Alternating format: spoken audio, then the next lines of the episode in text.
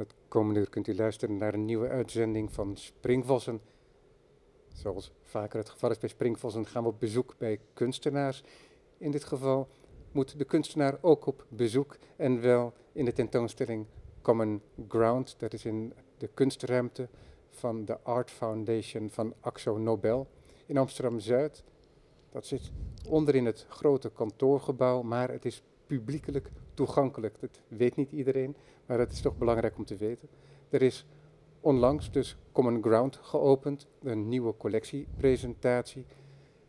Maar er worden ook wel eens nieuwe zaken toegevoegd aan de collectie. En dat zijn ook werken die aan het gebouw vastzitten. In dit geval is mijn gast Gijs Vrieling. Gijs Vrieling maakt prachtige muurschilderingen en hij heeft ook aan de straatzijde in de Art Foundation een grote muurschildering gemaakt. En wij zitten hier op een bank voor die muurschildering, dus op ons gemak. Dankjewel Gijs uh, dat je in bent gegaan op een uitnodiging uh, voor een uh, gesprek. Ja, graag. We kijken naar een wijds landschap. Op de voorgrond zien we wat dieren, schildpadden met kaarsen op hun rug. Een ree graast rustig aan de oever. We zien een meer en in de verte aan de overzijde van de meer zien we wat villa's met bomen tegen uh, glooiende heuvels en daarachter het wit-blauwe hooggebergte en de lucht en links en rechts als coulissen bomen, boompartijen. Daarmee is nog helemaal niets gezegd. Maar in ieder geval, daarmee heb ik een beetje gezegd wat er uitgebeeld wordt. Maar hoe zaken uitgebeeld worden, dat kan op velelei wijzen. Ja. Jij bent een schilder die gebruik maakt van decoratie. Je beeldt zaken uit. Dus er is sprake van figuratie. We herkennen daar elementen in van de ons omringende wereld. Zeker. Maar tegelijkertijd is er ook heel duidelijk een ritmisch gebruik van motieven. Je schildert niet zozeer een boom, als dat je een boom opbouwt uit decoratieve elementen en uiteindelijk ja, ontstaat daar een boom. Maar je maakt geen mimetische representatie om een zo exact mogelijke boom uh, na te maken. Hoewel je dan wel hier en daar denkt dat je iets van een eikenblad herkent. En, dus ik weet niet hoe precies jij daarin bent. Ja, zeker. Ja, dat is uh, wat mij betreft precies ook waar het om gaat in het schilderen. Um, hè, dat enerzijds, als je hiervoor zit, denk ik niemand eraan twijfelt waar die naar aan het kijken is. En ik ook hoop dat het dat het dat in, de, uh, in, in positieve zin ook oproept. Dus dat je hier echt kan zitten en het gevoel hebt dat je uitkijkt vanuit een soort beschutting, vanuit een, hè, vanuit een bos en een beschutte, hele eigenlijk aangename plek en ver kijkt. Ik ben er eigenlijk niet op uit om dat heel erg. Hè, of het gaat me niet om het ondergraven ervan, maar tegelijkertijd denk ik dat het er in de kunst altijd om gaat om hè, om de illusie en de constructie tegelijkertijd te laten zien. Hè, en dat het hele idee van, uh, van imitatie en van het, wat je ook noemt mimesis, het hele idee dat, een, dat schilderkunst als het ware het, het zichtbare zou uh, zo dicht mogelijk zou naderen. Daar zijn twee kanten aan. Het ene is de vraag of dat überhaupt kan uh, en wat dat dan zou betekenen. En de andere is natuurlijk waarom je dat überhaupt zou willen of zou doen. Dus we, we vragen ons in de muziek nooit af waarom, uh, wat de muziek imiteert. En in de schilderkunst is dat, blijft dat eigenlijk altijd een heel fundamenteel en, en soort eikpunt. Ja, en dat, dat is natuurlijk is wezenlijk. En voor mij, ja, voor mij is het eigenlijk zo. Hè, ik kies dus heel bewust, hè, als ik al zei, voor, voor duidelijke voor beelden. Je kijkt naar beelden die je, die je ook herkent uit de werkelijkheid. Daar is geen twijfel over mogelijk. En ik heb dus ook hele. Uh, ja, ik geloof ook eigenlijk helemaal niet in het idee van abstracte kunst. Ik, ik, denk dat het eigenlijk een ongedachte is. Het is in Ehm, ieder geval een heel verwarrend begrip. Ja. Daar heb ik Ja. het met meerdere collega's van je over gehad. Ja, Hans Schuil is Ja. er ook iemand die bij uitstek zegt dat dat een, een lastig begrip is. Dat hij misschien wel liever mijt. Ook daarom, ook ten opzichte van zijn eigen kunst, maar misschien wel in zijn algemeenheid. Ja. Maar voordat we dat gesprek gaan voeren op een heel fundamenteel niveau, waar we nu een voorschot hebben genomen, Mhm. is het misschien aardig om te zeggen waar we naar kijken. Want wat je zegt is heel juist. Ik kijk naar die schildering en ik voel me als het ware beschut door de bossage Ja, die jij zelf suggereert hier. ja. Dus ja. ik eh, maak inderdaad als het ware in een soort kom deel uit van de schildering bijna. Zeker. Ja. En dat is heel erg geslaagd en dat is kennelijk ook zo gewenst. Je spreekt het ook uit. We kijken niet naar een Nederlands landschap. We zien heuvels, we zien Mhm. bergen. Ja. Hoe maak jij je keuze om datgene uit te beelden wat je uitbeeldt? Waar kijken we naar? Ja, nou, eh, er zijn, er zijn een heel aantal verschillende bronnen eh, liggen eigenlijk ten grondslag aan dit werk. Ik denk één hele belangrijke is dat ik eigenlijk heel erg geïnteresseerd ben in het idee van schilderkunst als een achtergrond. Hè, wij leven natuurlijk in een tijd dat, waarin schilderkunst en kunst überhaupt altijd, kunst in musea is altijd iets wat altijd het centrum van de aandacht moet zijn. De, de porté is dat de ruimte als het ware neutraal is en daarbinnenin zijn, zijn objecten en die objecten zijn het centrum van de aandacht. En ik ben eigenlijk geïnteresseerd, ik ben muurschilderingen gaan maken onder andere omdat ik eigenlijk geïnteresseerd ben in het idee van kunst als een achtergrond. Dus als iets wat eigenlijk, eh, ja, wat er, wat er is, zoals de, eh, de wereld en de natuur er gewoon is. En die je eigenlijk ook redelijk makkelijk weer kunt vergeten. Eh, dus die, en daarom ben ik ook letterlijk geïnteresseerd in achtergronden en ook in theaterachtergronden. decors, zeg maar. En ook het schilderen van decors, dus hoe decors worden geschilderd. Dus als een, hè, waar, waar het heel erg gaat om eh, suggestie en illusie en eigenlijk allerlei ja, hè, er wordt dus vaak, eh, je zou bijna kunnen zeggen, goedkope trucs gebruikt om allemaal om, hè, om dingen op te roepen. Op een manier die, die werkzaam zijn, zonder dat ze als het ware te veel de aandacht op zichzelf nou willen richten. Dat, dat is één aspect wat me heel erg interesseert. En dan is het eigenlijk zo dat eh, eh, ja, het idee van een vergezicht hè, hoort daar ook bij. Dus, dus het feit dat het zo'n coulisseachtige situatie is hè, en dat je eigenlijk een, een, een verte hebt waar je in kijkt en aan de zijkanten zijn dus die bossages als een soort coulisse. Dat is op zich ook al een heel erg een theaterachtige setting eigenlijk. Ik heb veel gekeken naar eh, de afgelopen tijd. Ik had een mooi boek gekocht over Claude Lorrain. De schilderijen van Claude Lorrain, die eigenlijk altijd, bijna altijd zo'n opbouw hebben. Hè? Die coulissen van bomen en een vergezicht. Dat is, een, dat is belangrijk. En dan eh, zijn er eigenlijk twee andere, nog concretere aanleidingen. Het ene is, de, zijn je ziet die, eh, op de achtergrond zie je bergen, besneeuwde bergen. En boven elke bergtop, precies boven elke bergtop, zie je een wolkje. Maar dat is ook bijna als een Angora wollen muts. Ja, zeker. Het zijn ook een soort mutsjes, precies. Ja, zeker. Ja, dat, zodat er weer, ook weer een soort motief ontstaat Ja, en een ritme Ja, ook. Hè, want je had het net al eventjes over muziek. ja, En in die zin lijkt het net alsof we naar een geluidslijn kijken. ja, Met de heuvels die een spel spelen, het water op de voorgrond. mhm, En dan die bergen en steeds andere accenten. ja, En de, de wollen mutsjes, de Ja, wolkjes, die ja. maken daar ook deel van uit. Ja, precies. Ja, precies. En dat is eigenlijk dus dat motief van die bergen met zo'n eh, wolkje erboven. Dat heb ik gezien. eh, dat is een aantal schilderijen van Hootler, de Zwitserse eh, schilder. Die heeft al prachtige berglandschappen geschilderd. En in een aantal van die schilderijen heeft hij dit, dit gebruikt. Dus dan zie je een, een bergkam en boven iedere top, precies boven iedere top, zit een wolkje. Ja, inderdaad. En- een vriend van mij die liet het mij onlangs nog zien. Oké, ja. Toevallig ook dat schilderij. Ja, ja, ja. En omdat uh, Hootler ook um, uh, bijvoorbeeld dan wel een schilderij maakt waar dan op één lijn in het meer van Genève drie zwanen aan de ene kant en drie zwanen aan de andere kant zwemmen bijvoorbeeld, hè, in een soort symmetrische setting, had ik gedacht, nou dat heeft hij gewoon bedacht. Hè, dat fenomeen van die wolken boven die toppen, dat is fantasie, een hele mooie goede fantasie, want hij op een of andere manier spreekt daar iets uit. Maar het interessante is dat ik, ik ben heel veel in Zwitserland geweest. Mijn grootmoeder die had een huis in Zwitserland. En uh, op een gegeven moment um, was een situatie dat ik dat ook daadwerkelijk daar zag in de werkelijkheid. Dus dat, hè, dat, uh, dat de situatie zo was dat boven iedere berg, zij woont in, woonde dan in Graubünden, zo'n kleine wolk boven de top was. En toen vroeg ik daarnaar, toen zei ze ja dat is eigenlijk een soort meteorologisch fenomeen. Dat kan gewoon bij bepaalde soorten windstilte of wat de precieze techniek weet ik niet meer, maar kon dat fenomeen ontstaan. En dat is natuurlijk altijd heel mooi. Hè? Het, is mooi als, het is prachtig als mensen iets bedenken. En het is ook heel mooi als dingen, als bepaalde poëtische dingen in de natuur gewoon voorkomen. Uh, nou, dus dat was iets wat ik, uh, wat ik graag wilde gebruiken.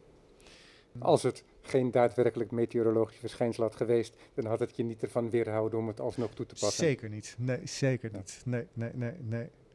En een ander element is die schildpadden met die kaarsen. Dat is eigenlijk, uh, dat, ik was de afgelopen winter, waren wij met ons gezin en, onze, uh, en de aanhang van mijn oudste kinderen in Istanbul voor een paar dagen. En we voeren over de Bosporus en er was een, was een soort boekje, was ik aan het lezen. En daar stond in dat in de 19e eeuw de mensen die dus een villa aan de Bosporus hadden, met een tuin, en uh, vaak een tuin met mooie tulpen aan het water. Dat ze daar in de zomer, in de schemering, s'avonds, dat ze dus inderdaad schildpadden vingen. En dan die kaarsen op, de, hè, kaarsen op die ruggen uh, bevestigden. En ze dan rond lieten lopen door die tuinen. Nou, dat vond ik ook een, uh, vond ik eigenlijk net zo'n fantastisch idee, zeg maar, als de wolken van Houtler. En ook zo, ook zo voorstelbaar. Hè? Je denkt, ja, dat kan eigenlijk heel goed. Zo'n schildpad heeft er eigenlijk geen last van die hè, schildpadden rollen ook niet om. Dus die, ja, daar kan eigenlijk weinig misgaan. En het is een heel sprookjesachtig uh, idee, denk ik. En jij kan je vervolgens uitleven op de verschillende patronen van de schilden ja. van de schildpadden. Ja, ja. Ja, hoewel dat, ja, zeker. Hoewel dat dan eigenlijk ook nog weer meteen een volgend aspect eigenlijk is aan de schildering. Want die schildpadden zijn allemaal door verschillende mensen geschilderd. Dus de verschillen in de patronen zitten eigenlijk in deze uh, bij deze schildpadden hebben echt te maken met dat verschillende mensen ze ook geschilderd hebben. Ja, in de vooraankondiging van de uitzendingen van de maand mei, waar ja. jij ook dan toe behoort, daarin heb ik een van de foto's gebruikt die jij okay. me toestuurde, waarbij je inderdaad vier mensen naast elkaar aan de muurschildering ja. ziet werken. Ja, ja. Is dat een gebruikelijke praktijk? Ja, ja ik werk eigenlijk bijna altijd wel met, uh, met meerdere mensen aan een schildering. En dit keer had ik een, um, een hele familiesetting. Ik had één uh, professionele assistent. En verder was het, uh, waren het mijn moeder en een vriendin van haar en mijn uh, jongste zoon en mijn jongste dochter en twee nichtjes die allemaal hebben meegewerkt. Ja. Wanneer heb je die keuze gemaakt dat dat ook kan? Dat je niet alles zelf hoeft te doen? Nou, dat is eigenlijk begonnen eigenlijk meteen toen ik mijn eerste muurschilderingen ging maken. Toen was er, had ik ook meteen al het idee, het lijkt me mooi om die schilderingen te maken, ook tijdelijke schilderingen te kunnen maken. Dus uh, om een heel grote schildering te kunnen maken die er toch maar voor een, voor een beperkte tijd is. En toen had ik wel meteen daarbij bedacht van nou, als dat zo is, dan wil ik ook weer niet uh, weken of maanden aan een schildering werken die er dan maar ook, ook maar weer maanden of weken is. Dus ik dacht dan wil ik wel een soort, uh, nou wil ik het ook in een bepaalde, met een bepaald tempo kunnen doen. Dus toen ben ik eigenlijk ook begonnen meteen om met assistenten ook te werken. En eigenlijk al snel vond ik het feit dat er dus ook andere handschriften in het werk kwamen heel uh, aantrekkelijk ook daarvan. Dus uh, dat werd steeds meer ook een, um, niet alleen een praktische, maar ook echt een inhoudelijke en stilistische keuze om dat te doen. Ja. Sommige elementen zien er bijna uit alsof er maskers zijn gebruikt. Maar mm -hmm. ik had begrepen je dat je dat silhouetten, of uh, ja. hoe, hoe, heet dat nou? Um, God, hoe heet dat nou? Naar mallen. Schablonen. Schablonen, schablonen dat ja. is het juiste ja, woord schablonen. inderdaad. Ja, uh, nee, maar ik gebruik inderdaad geen schablonen. Ik gebruik wel veel uh, techniek waar je eigenlijk een soort, uh, met, de, met de bovenkant van een, van een grote kwast, een soort, eigenlijk als een soort stempel gebruikt, zou je bijna kunnen zeggen. Ja, je ziet hier op de voorgrond bijvoorbeeld is een soort struik. En dan zie je eigenlijk een lijntje met aan weerszijden soort blaadjes. Die dan hè, een bepaalde hele gelijke vorm hebben. Dat zijn eigenlijk zo'n soort stempelachtig gebruik van, Ja. een, eh, van een kwast. Maar verder gebruik ik inderdaad geen schablonen, nee. Dus het is allemaal handschrift eigenlijk. En ja. als ik dan kijk naar de flora die hier geschilderd is, Mhm. ik gebruik expres het woord uitgebeeld niet, ja. heb je dan een bestaand plant en een bestaande boom in gedachten? Want ik denk het ook toch wel een soort grasachtige Mhm. te herkennen. Zeker. Ik denk ook een soort tulp te Ja, herkennen. Zeker. Die kennen we inmiddels in zoveel exotische varianten. Ja, Dat je daar je ze niet snel een bijl aan zal, zult vallen. nee, nee. Mocht je dat wel eh, Uh-huh. willen uitbeelden. Ja. Maar heb jij zoiets in gedachten? Heb je een boom in gedachten? Of volg je je, je fantasie? Nee, ik heb eigenlijk redelijk. eh, nou, hierin is dat eigenlijk een beetje gemengd. Dus die, die bladeren bijvoorbeeld in die boom zijn wel degelijk natuurlijk eikenbladeren. Ja. En bij die andere is dat minder zo. Ehm, en die tulpen zijn zeker ook tulpen. En, en de bladeren van een soort andere struiken zijn. Ja, ja. Meestal eh, is, komt toch de dingen eigenlijk altijd wel voort uit dingen die ik ooit echt ook in het echt heb gezien. Er is altijd wel een soort aanleiding om te denken: oh ja, zo eh, die, die plant of die boom ga ik schilderen. Maar dat heeft er ook altijd mee te maken dat ik een bepaalde eh, manier of soort receptuur vind om dat te doen. Omdat ik dus niet, eh, niet eh, als het ware een plant ga neerzetten of een foto ga gebruiken en die dan ga naschilderen, is het altijd een, ja, soms dan, dan zie ik een plant die ik heel bijzonder of heel mooi vind, of een bloem of een dier. Eh, maar het is niet per se zo dat ik die dan ook meteen kan gebruiken. Dus ik kan bijvoorbeeld het voorbeeld geven bij dat ree. Hè? Ree heb ik al heel vaak geschilderd. En dat de aanleiding was eigenlijk dat ik, eh, dat ik er naar aan het kijken was. En eh, dat het me opviel dat zo'n ree, en dat hebben eigenlijk heel veel van dit soort zoogdieren, hè, daarvan is de rug donker en de buik is eigenlijk licht. En dan heb je eigenlijk zo'n kleurverloop, zoals, ik zou maar zeggen, eigenlijk alle wolken bijvoorbeeld ook altijd hebben. Hè. Alle wolken zijn licht aan de bovenkant en grijzig, donker aan de onderkant. De hemel is altijd blauwer aan de bovenkant dan aan de horizon. Dus het hele idee van de, van de overgang, zowel de tonale als de coloristische overgang, zit natuurlijk overal in de natuur. Maar het viel me op bij die reeën, die hebben dan die mooie overgang, zo'n mooie, mooie hele rossig bruine rug en dan wit de buik. En dan die stipjes op die rug. En eigenlijk, dat vond ik dan zo iets moois. En dat zag ik ook eigenlijk bijna alsof het al een schilderkunstig idee was.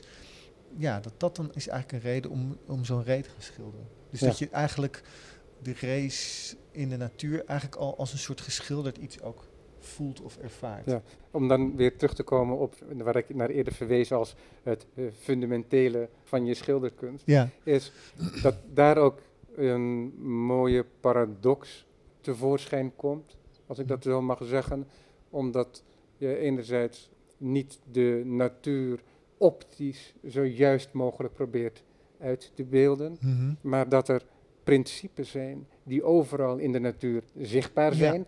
Ritme, herhaling, ja. overgang, Ja. eh, contrasten, dat Ja. zijn allemaal kernachtige elementen Ja. v- ook van jouw schilderkunst. Mhm. Je zou kunnen zeggen van elke schilderkunst. Maar we hebben het nu over jouw schilderkunst. En we hebben het nu over jouw schilderkunst die dan niet mimetisch zou zijn. Mhm. Hè, dat heb je niet gezegd. Maar ja. tegelijkertijd is het dat juist heel erg. Mhm. Je maakt als het ware gebruik van een hele natuurlijke receptuur. Als ik dat zo mag zeggen. Zeker. Want wat we zien, Zeker. als ik dan nog even Ja. mag. Ja. We zien verschillende kleuren. Kleuren die je eigenlijk niet zo snel bij elkaar zou zien. Mhm. En doordat je gebruik maakt van overgangen en tegelijkertijd ook weer harde scheidslijnen, eh, maar die dan toch weer semi-transparant zijn, ontstaat er een soort eh, diepte, een soort Mhm. transparantie. Tegelijkertijd is het ook zo dat er hele mooie glooiende onderschilderingen zijn, waarop weer grotere vormen neergezet worden. Mhm. En die vormen dan als het ware weer een soort achtergrond voor bijvoorbeeld een plant of voor een boom of voor het blad. Maar overal is sprake van ritme, van verschillende lagen, van linten. Mhm. Het, de coulissenwerking gaat ook door tot op het, Ja. het kleinste niveau, wil, Ja, ik, wil. Ik, wil ik maar zeggen. ja, ja, En zeker. dus eh, dat idee van die herhaling, die ritmes die we in de natuur aantreffen, dat is Mhm. echt overal zichtbaar in je schilderwerk. ja, ja, precies. Maar ik kan me voorstellen Precies. dat jij ook, als jij inderdaad een ree ziet, Mhm. ten opzichte van je schilderkunst, dat je heel enthousiast kunt worden over wat jij hier buiten eh, soms Ja. wel eens ziet. Ja, ja. Van hele kleine, onbetekenende zaken. Zeker. Kleine onbetekenende zaken en ook, en ook hele grote zaken. Hè. Dus ik refereerde net al, hè, net zoals de, de reerug, om het maar zo even te noemen, en dat verloop. Hè, de, de, de eerste keer dat ik me eigenlijk realiseerde de- eh, of zag, hè, dat eh, als je een wolkenhemel hebt, dat je dus altijd hebt, het blauw is boven, dat verloopt naar, hè, het wordt lichter naar onderen. En daarin zijn al die wolken en die doen het omgekeerde. Daarvan is namelijk de lichte kant boven en het donkere onder. En toen ik dat eenmaal door had, dan als, als eigenlijk als iets wat, wat heel, ja, wat, wat een schilderkunstig, wat je letterlijk in een schilderkunstig iets kunt vertalen. Dan is eigenlijk iedere, iedere eh, overgang, die je, iedere grote overgang die je zet, eh, schildert en waar je kleine eh, dotjes op zet met de omgekeerde overgang, is eigenlijk al een, is een lucht. En ziet iedereen ook als een lucht. Dus het zijn ook hele grote principes eigenlijk. Hè? Hele grote visuele fenomenen zou je kunnen zeggen. Hè, die met tonaliteit en kleur te maken hebben. Ehm, ja, zoals ik ooit, eh, ik had eh, toen ik op de Rijksacademie zat les van eh, Peter Struiken. En we hadden vaak over dit soort dingen ook en over, over kleuren. En nou wij konden het altijd hardgrondig met elkaar eens zijn dat, dat hoewel voor heel veel mensen in het denken kleur een soort aspect van de werkelijkheid is. En, voor allerlei mensen zelfs nog een soort detail. Hè? Ook in de renaissance werd het tekenen gezien eigenlijk en de vorm als het grote en de kleur als het secundaire. Dat wij toch het heel erg over eens waren dat kleur hè, echt een, eigenlijk een heel primair verschijnsel is. En het eerste, hè, voor in ieder geval voor het visuele, eh, is het eigenlijk, is het, het, je zou kunnen zeggen, eigenlijk het enige. Hè? En ehm, ja, en eigenlijk door kunstenaar en schilder te worden en door naar schilderijen te kijken, leer je eigenlijk steeds meer hoe raadselachtig en wonderbaarlijk de wereld er eigenlijk uitziet. En hoe weinig je er eigenlijk echt van weet of begrijpt. En, en hoe weinig je ook eigenlijk aan de fotografie hebt om te begrijpen hoe de wereld eruit ziet. Daar leer je eigenlijk niets van. En, eh, en van de schilderkunst een heleboel. Ja, dus een, een oud eh, docent van mij, eh, Robert Zwijnenburg, die heeft een boek geschreven over Leonardo da Vinci. Mhm. En het heette Denken met de pen. Mhm. Dat, Ja. dat is dan de activiteit van Leonardo in zijn geschriften, hè, in zijn notitieboeken. Ja. En dat geldt natuurlijk ook voor de schilder. Mhm. Dus je leert kijken wat je eigenlijk nu zegt. Ja. Dus dat je leert kijken door die schilderkunstige handeling. Ja. Omdat je wilt weten wat je gaat maken. Je Ja. doet niet zomaar wat. Nee, nee, nee. Je volgt niet zomaar een kwast en je denkt van, oh, dat is aardig, laat ik daar eh, maar mee verder gaan. nee.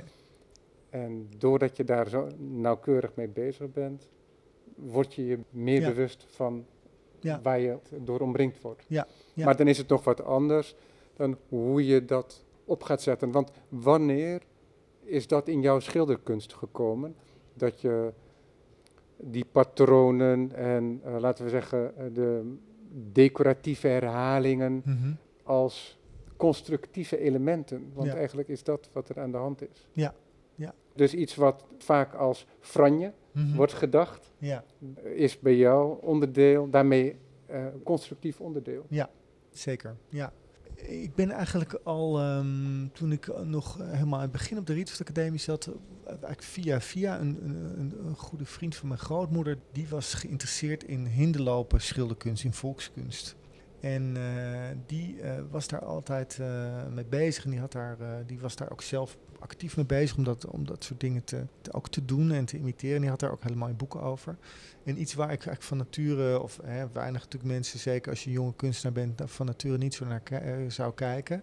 Op een of andere manier door, door die man raakte ik daar heel erg in geïnteresseerd. Hij kon daar ook ongelooflijk bevlogen over vertellen.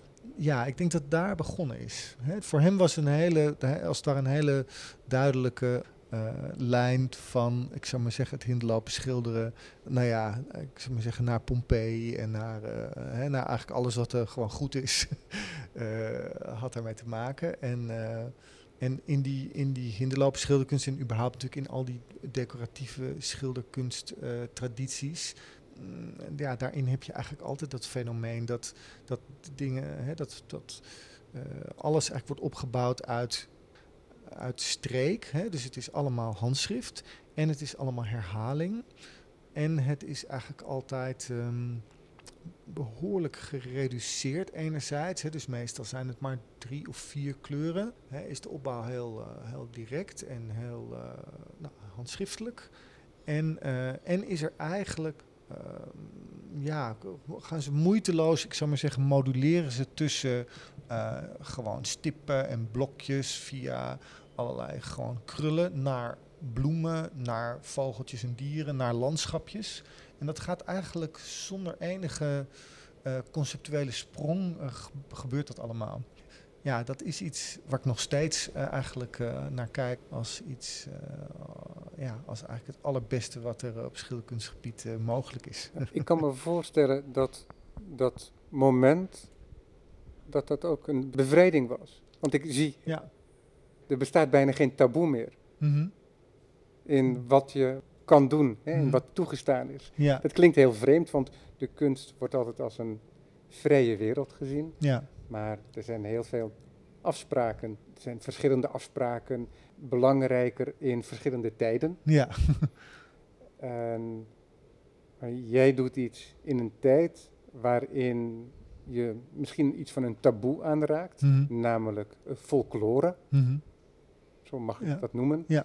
En er zitten folkloristische elementen in, of in ieder geval referenties. Ja. Je geeft net ook hinderlopen bijvoorbeeld aan. Ik heb ook wel eens een voordracht van je gehoord in Spui 25, waarin je het had over een Noorse volkskunst. Ja, ja. Schilderingen op hout in huizen. Ja. Dat tot non-taboe verklaren Mhm.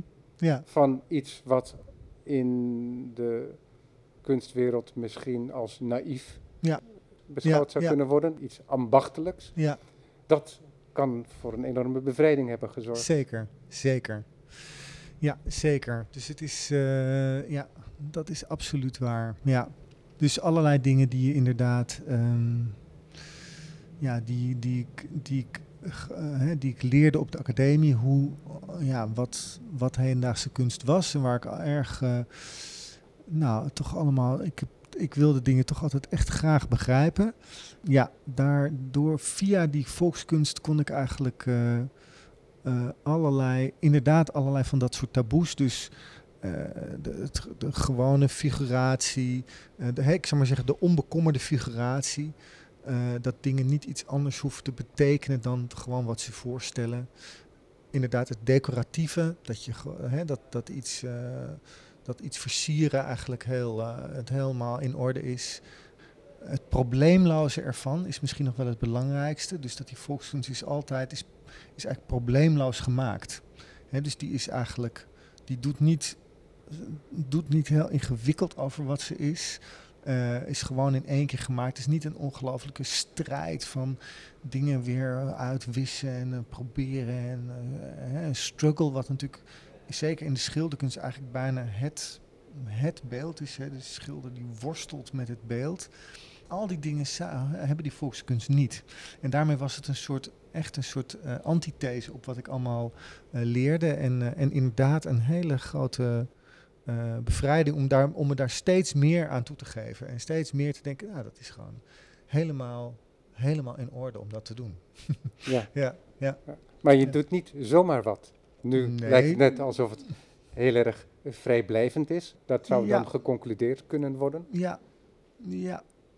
Nee, ja, vrijblijvend. Ik, ja, wat, wat is vrijblijvend, hè? Ja, Want jij bent toch heel erg bezig met schilderkunst. absoluut. Ja, heel erg, ja. Ja, nee, dat denk ik ook. Dat denk ik ook, zeker. Eigenlijk. En het is eh, niet zo dat je alleen maar een folkloristische traditie herhaalt. Nee, Want jij haalt, jij sleept alles, je atelier als het ware in. Je maakt misschien gebruik van kleurcombinaties die je ergens hebt aangetroffen. ja, Maar je doet er altijd het jouwe mee. zeker. Dus in die zin Zeker. maak je niet los van die kunstwereld. Dat Nee, eh, interesseert je wij- wellicht ook misschien helemaal niet. En, ehm, kan, het kan ook niet. Hè? Ja. Het kan ook niet. Nee, Ja. nee, en ik wil dat ook niet. Ik wil het natuurlijk eh, onderdeel daarvan uitmaken. Ik wil het nee, ik wil. eh, Ik, het is natuurlijk altijd zo als je, als je taboes aanvoelt, want taboes worden natuurlijk zelden uitgesproken. Er wordt natuurlijk zelden gezegd: dit mag niet. Hoewel hè, op een academie natuurlijk heel vaak, hè, ik zou maar zeggen, de twee dingen die een, die een student eh, nooit wil horen, is dat zijn werk ofwel decoratief of illustratief is. Maar hè, dus als, als, eh, als inderdaad als, als bevrijding, als, als iets waarvan je denkt van nou, ik, ik weet niet of waarom dat niet zou mogen of waarom dat Ja. niet zou kunnen. Kan Het Eh, probleem wordt tot non-probleem verklaard. ja, ja, Ja. ja, ja, precies. En, eh, en tegelijkertijd, en dat is natuurlijk zeker, ik bedoel, ik, ik vind mezelf een hele serieuze, een hele serieuze kunstenaar en in zekere zin ook een hele rationele kunstenaar. En ik werk ook eigenlijk heel, eh, heel planmatig hè, en heel, ja, heel, ja, eigenlijk heel planmatig, ja. Dus ik Dit werk, dit heet refererend aan de tentoonstelling waar het deel van is, heet Common, Common Background. Ja, ja. Hoe heb je dit opgezet, dit werk, Common Background? Maar je bedoelt nu niet de titel, hè? gewoon het, het beeld, zeg maar. Ja. Ja. Nou, ik, ik eh, had het idee, de, de, de- de- doordat die titel kwam, dacht ik, de, het gevoel, ehm, hè, dat ging het, zoals Hester, de, hè, de, de directeur van de Axel Nobel Art Foundation, Hester Albeding Hester Aberdeen Tuin er tegen mij over sprak, had het ook te maken met het, met het idee, de, het ground zat ook in het, in het feit dat we zo van de grond los aan het komen zijn. Hè? Dat we in een virtuele wereld steeds meer leven, dat we ook allemaal steeds meer vliegen, dat we eigenlijk hè, loskomen van, eh, van de grond. Eh, en ik was eigenlijk, eh, ik was het boek aan het lezen, er is een vertaling nu gemaakt van, een, van acht lezingen van Bruno Latour. En dat heet Oog in Oog met Gaia. En dat gaat over de natuur en over eigenlijk eh, eh, over het antropocene, over het idee dat we eigenlijk het hele onderscheid tussen cultuur en natuur niet meer kunnen maken. En eh, nou, prachtig interessant eh, boek. En de illusie dat we natuurlijk, of de, het gevoel dat we uit de natuur, dat we op een onproblematische manier uit de natuur voortkomen, dat is iets wat we natuurlijk heel, ehm, hoe zal ik het zeggen, eh, goed te bekritiseren is. En tegelijkertijd iets is wat we, denk ik, allemaal ook met elkaar voelen. En ik probeer dan ook wel terug te gaan. Je noemde ook net, hè, net de term naïef viel net. Ik heb toch ook veel op met, eh, met, met de ervaringen die je als kind hebt. En zeker de intensiteit van de ervaringen die je als kind hebt. Hè, hoe, hoe groot en krachtig en fundamenteel eh, eh, natuurervaringen voor een kind kunnen zijn. Of hè, ervaringen van de wereld. Eh, hè, dat dat iets is wat we als mensen allemaal met elkaar zouden delen, dat is natuurlijk een heel mooie, mooie prettige gedachte. Ja, dus ja, dat was ja, wat, wat daar ook wel interessant aan is natuurlijk, is dat het folkloristische Mhm.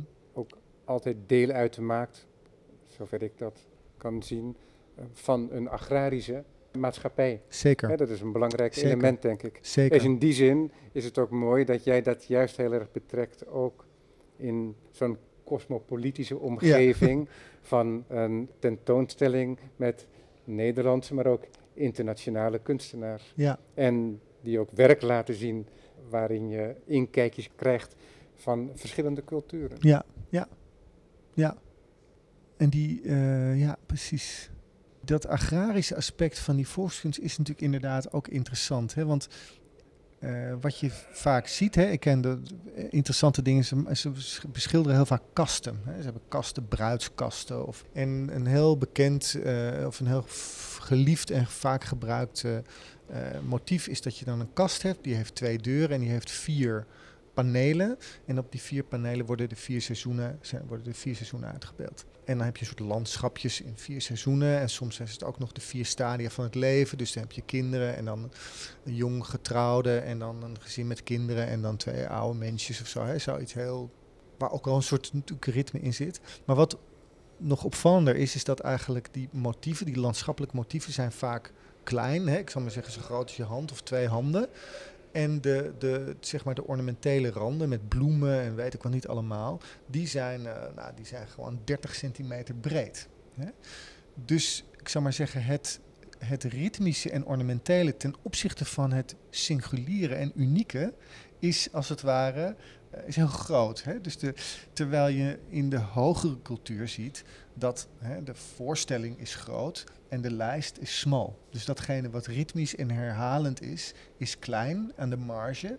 En het singuliere is groot en, en verdringt eigenlijk bijna het, het ritmische en, en datgene wat herhaalt. En daarin zie je natuurlijk hoe de belevingswereld van mensen die gewoon landbouwbedrijven, die- waarin alles met ritmes te maken heeft, hoe belangrijk dat eigenlijk is en hoe fundamenteel dat eigenlijk is. Ja, want je zou kunnen zeggen dat in de hoge kunst dat de ritmiek die blijft bestaan, Mhm. maar dat de componenten steeds meer gereduceerd worden, dus Mhm. verminderd in aantal Ja. en ook gereduceerd tot elementaire vormen. Mhm. En je hoeft maar te denken aan Maria met zo'n schildering van. Leonardo. Zo'n klassieke driehoek wordt er dan Ja. gemaakt van twee baby's. Ja. Dus eh, dat is eh, Jezus en eh, Johannes, de Doper. Ja, ja, Jij zorgt er weer voor dat er een soort vermeerdering ja. weer plaatsvindt. Want Ja. enerzijds heb je die decoratieve elementen, Mhm. maar tegelijkertijd zit er ook zo'n opbouw in dat het beeld rustig blijft en dat Ja. het overzichtelijk blijft. Ja. Dus je ziet dat het ook heel erg ingevoerd is, als het ware. Ingevoerd? Ingevoerd in, in hoe je een beeld op kunt bouwen Ja. ten, ten opzichte van het idee van een folkloristische naïviteit waarin je Ja. oh, stapelt. Ja, ja, ja. En Ja. dan is er ook bijvoorbeeld nog eind 19e eeuw een grote interesse die ontstaat voor decoratie. Mhm. Bij een schilder als Maurice Denis, Ja, over wie ik wel eens een uitzending heb gemaakt. Ja. En ook Matisse, die maakt toch werken met enorme bloemlijsten. Maar die lijsten die maken dan deel uit van de schildering. Het is dan geen gezette lijst. Nee, nee, zeker. Nee. Voel En- jij je verwant met dat soort ingrepen? Of denk je, ah, die hebben mogelijk ergens hetzelfde gezien als wat ik gezien heb. En die hebben er het hunne mee gedaan. Ja, dat denk ik wel. Ik, eh, ik, ik, ik eh, ben, ja, ik ben zeker, ja, hoe zou ik het zeggen? Er zijn weinig dingen die me echt hele, he- op een fundamentele manier tegenstaan. En ma- maar ja, Matisse is zeker prachtig. Ik heb toevallig net een biografie van hem gelezen, wa- wat wel weer ook wel weer nog, me nog weer wat, enerzijds wat nader bracht, anderzijds ook wel weer een ander beeld gaf. Hè, dat, het, dat hij nou, bij uitstek eigenlijk een hele zwoeger en worstelaar eigenlijk was. Ja. Maar wa- wat je eigenlijk ziet in die. eh, dus je, enerzijds zie je in die, in die periode inderdaad. Hè, na het. Is natuurlijk een hele periode waarin, waarin bij herhaling eigenlijk wordt afgerekend met het academisme en het hele, inderdaad, het hele idee van mimesis en wordt gezocht naar manieren om, om, om eigenlijk weer je weer te verbinden met veel elementairdere manieren van Ja, werken. er wordt gezocht, denk ik, ook naar een elementaire oprechtheid. ja, ja, En, eh, en dat is misschien iets wat je altijd op verschillende manieren weer terug ziet komen. zeker. Ja, zeker. Zeker. Dat is ook, en dat is natuurlijk ook heel terecht en goed. En, en tegelijkertijd eh, vindt het allemaal natuurlijk zijn beslag. En dat. Matisse is natuurlijk wel interessant in de zin dat hij, dat hij ook wel echt op een gegeven moment. eh, ja, ook, ook zich echt zo bekend tot het decoratieve en ook decoraties gaat maken. En, en die grote eh, werken die ook zo eh, als, ja, als, als achtergrond kunnen werken, zo elegant zijn en zo licht ook eigenlijk. En er zitten bij hem ook toch folkloristische elementen in, zoals die figuur die heel vaak terugkeert, zo'n krans van dansende vrouwsfiguren. Super, Ehm, hè? Ja, ja. Dat zijn toch bij uitstek eh, elementen die zelfs Ja. doen denken, om het dan over Noorwegen bijvoorbeeld te hebben, om over die, eh, hoe heet dat ook alweer? de Daar dans zo'n- rond de meiboom. Ja. Ja, ja, Ja. precies. Ja. dat zijn natuurlijk prachtige dingen allemaal. Ja, ja, En Dus heel de- ja. net, dat spreekt toch iets, dat zegt toch iets over een soort rituele, Ja. agrarische werkelijkheid. Zeker. Ja. En ook over iets wat bijna, hè, waar, je, waar je dicht komt bij de, bij, eh, de grens tussen natuur en cultuur. Hè? Dus je, je hè, ik zal maar zeggen, inderdaad een ronde dans. Ik denk dat er, dat er weinig, eh, weinig culturen zijn waar niet iets, iets als een soort ronde dans bestaat. Hè? Dus het is toch iets dat je als mensen met elkaar er tot zoiets komt, Ja. dat is heel, dat, daar, ja, dat is heel elementair en fundament, ja, elementair. En, en mooi, dat is natuurlijk altijd iets moois. Als je iets vindt wat, wat echt, eh, waarvan je het gevoel dat heeft met het diepste kanten van het menselijke te maken. Dat is, eh, ja, dat is mooi, denk ik. Dat heeft een bepaalde kracht. En, eh, en je kan je inderdaad heel goed voorstellen, ik kan me altijd heel goed voorstellen als je zo uit, uit, die, uit die 19e eeuw komt met, die, met inderdaad dat allemaal dat hoog ontwikkelde, dat hoog ontwikkelde ambacht en die, en die voor de derde keer opgewarmde mythologie en weet ik wat niet allemaal, dat je, ja, dat je echt behoefte hebt aan, eh, Ja. aan iets anders. Ja. Ja. Ondertussen ben ik, terwijl jij met me praat, kijk ik ook naar je schildering. Mhm. En wat me eh, nu eens te meer opvalt, dat zijn een soort correspondenties. Correspondenties in kleur. Een jong opgeschoten eikenboompje, maar ook de grote eikenboom daarnaast, wat wij kunnen herkennen aan het blad. Ja. Dat is oranje-geel met naar de randen uitlopend naar een donkerblauw. Mhm. En dat steekt af tegen het meer. En dat meer, dat is ijsblauw. Mhm. Met wat donkerder streken richting wit. En tegelijkertijd als lamellen, verticale lamellen, alsof het een volledig windstille dag is, zien we daar ook weer de kleuren in van de heuvels. Want die Mhm. kleuren van de heuvels, die zijn ook dat oranje richting een groen met bijna een blauwzweem erin. Mhm. En we zien die verschillende kleuren die zien we terugkomen, want de bomen die afsteken tegen die mooie heuvels, Mhm. die hebben weer de kleuren van de bergtoppen daarboven. Ja, En ja. tegelijkertijd ook elementen van het water. Dus niet alleen in de vormen, in de decoratieve vormen en Mhm. patronen en de ritmes, Mhm. maar ook in de kleuren eh, zien we een cirkelgang en Ja. een soort ritme ontstaan. Zeker, zeker. Dus het zijn, eh, het zijn eigenlijk maar, nou laat me nou nog even een keer tellen. Ik denk 1, 2, 3, 4, 5, 6. Ik denk dat het zes pigmenten zijn. Oxide geel, oxide paars, Engels rood, wit, Berlijnsblauw. Vijf. Groen, chromoxide groen. Zes kleuren, Ja. zes pigmenten.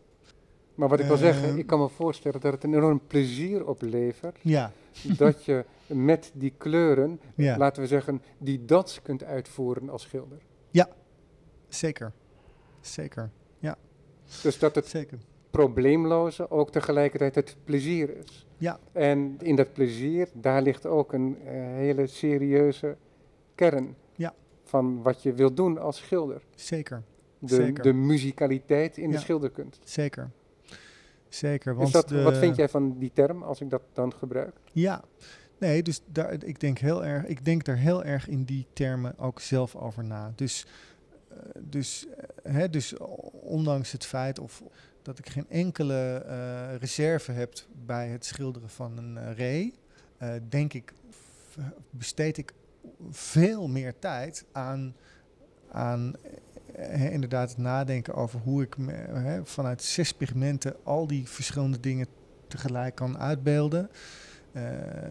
waarbinnen zowel een idee van rijkdom als een idee van, of, of een indruk van samenhang ontstaat.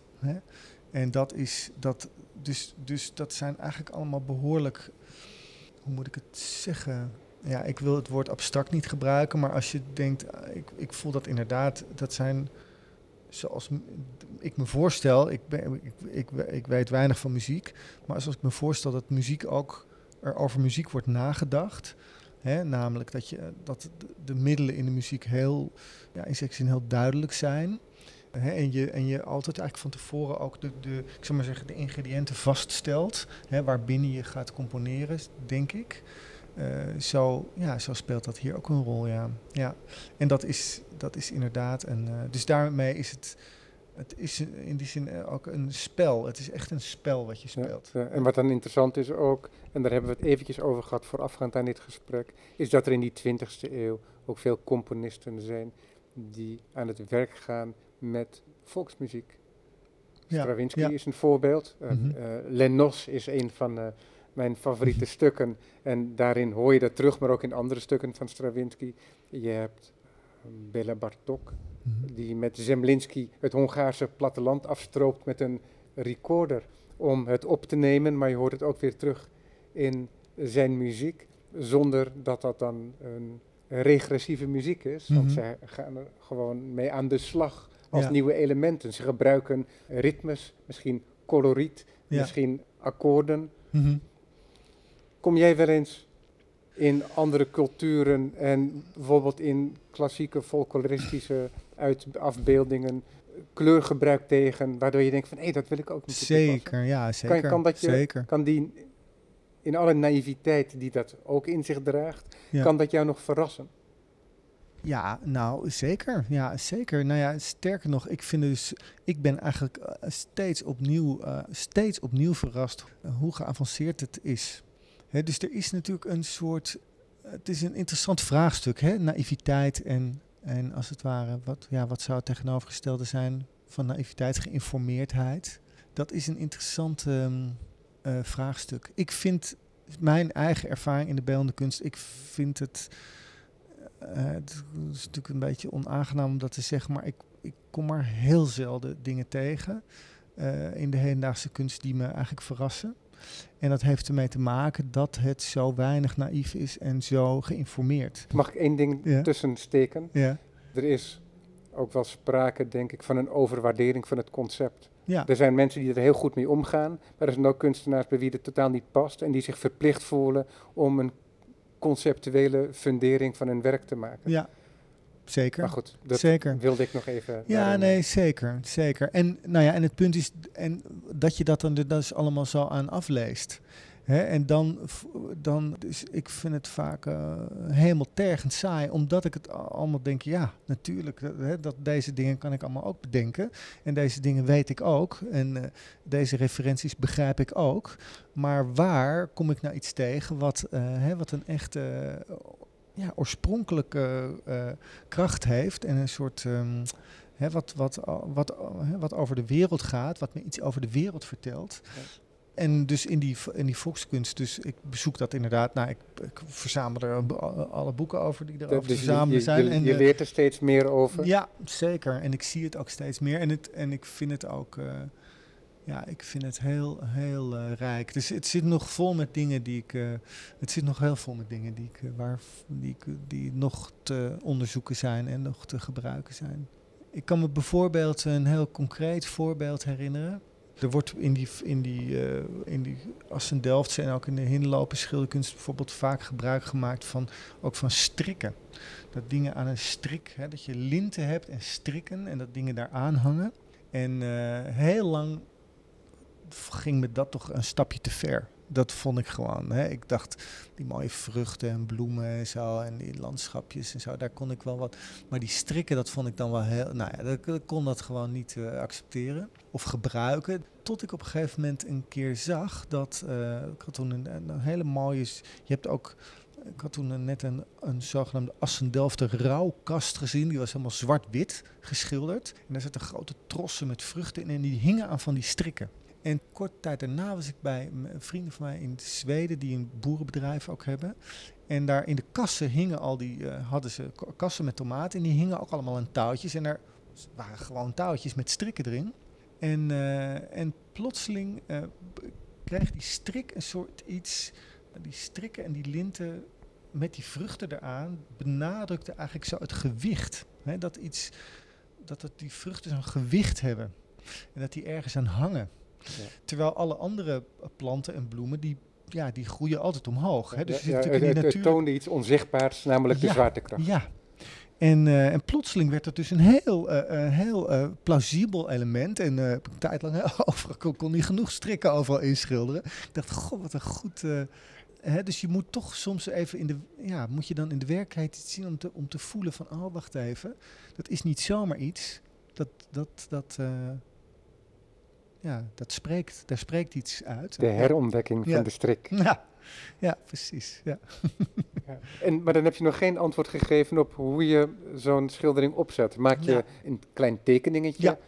Ik maak een tekeningetje en ik maak natuurlijk gebruik van allerlei, ik zou maar zeggen, methodieken en recepturen. Ik bedoel recepturen, of je zou misschien zelfs kunnen zeggen, uh, een soort partituren van opeenvolgende handelingen en opeenvolgende lagen die niet alleen maar in dit schilderij zitten, maar die in eh, alle schilderijen zitten die ik maak. Eh, dus ik maak inderdaad een, een, een soort kleine, eenvoudige, relatief eenvoudige tekening, meestal een potloodtekening voor de voorstelling.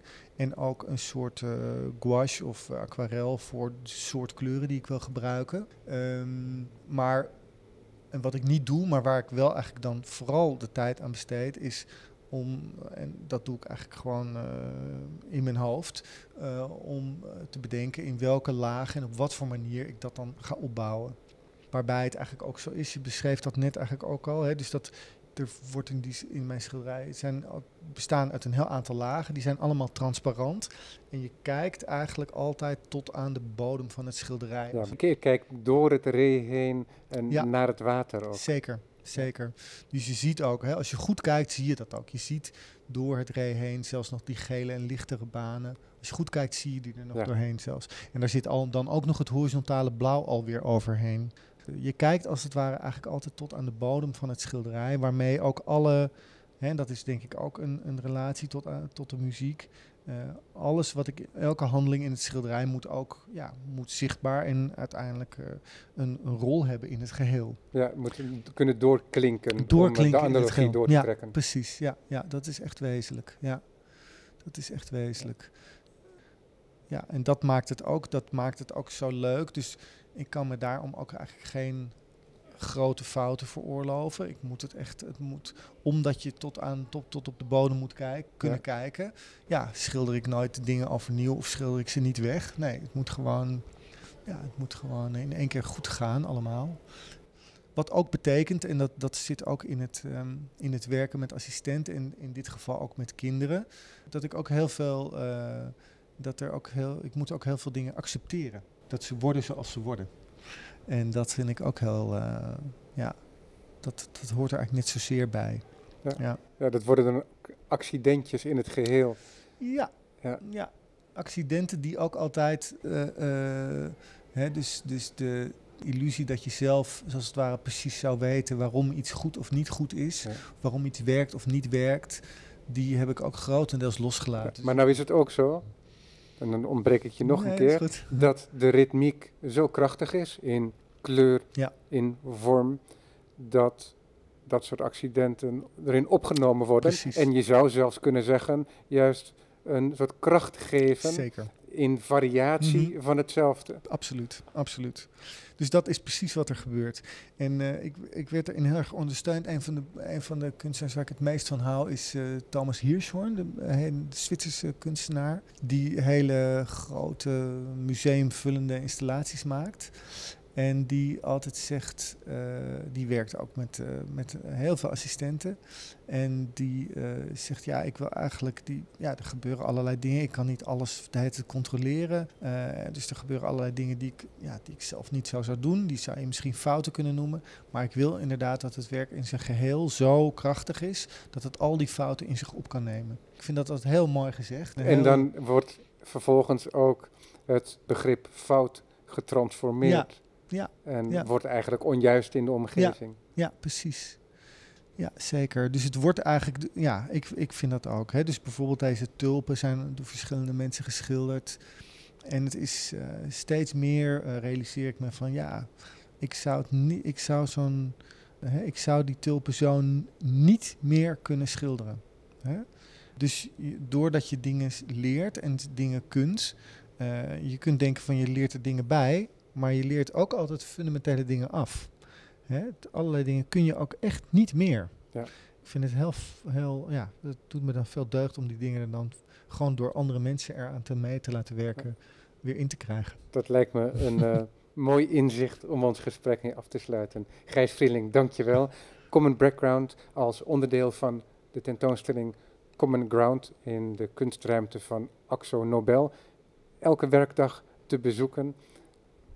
Ik uh, kijk naar het beeld en ik blijf er overheen dwalen en ik blijf nieuwe elementen ontdekken. Geel dat door de bergen adert als het ware. En een uh, prachtig uh, rood dat achter de bomen tevoorschijn komt. Ik blijf hier nog even zitten. Dank voor het luisteren.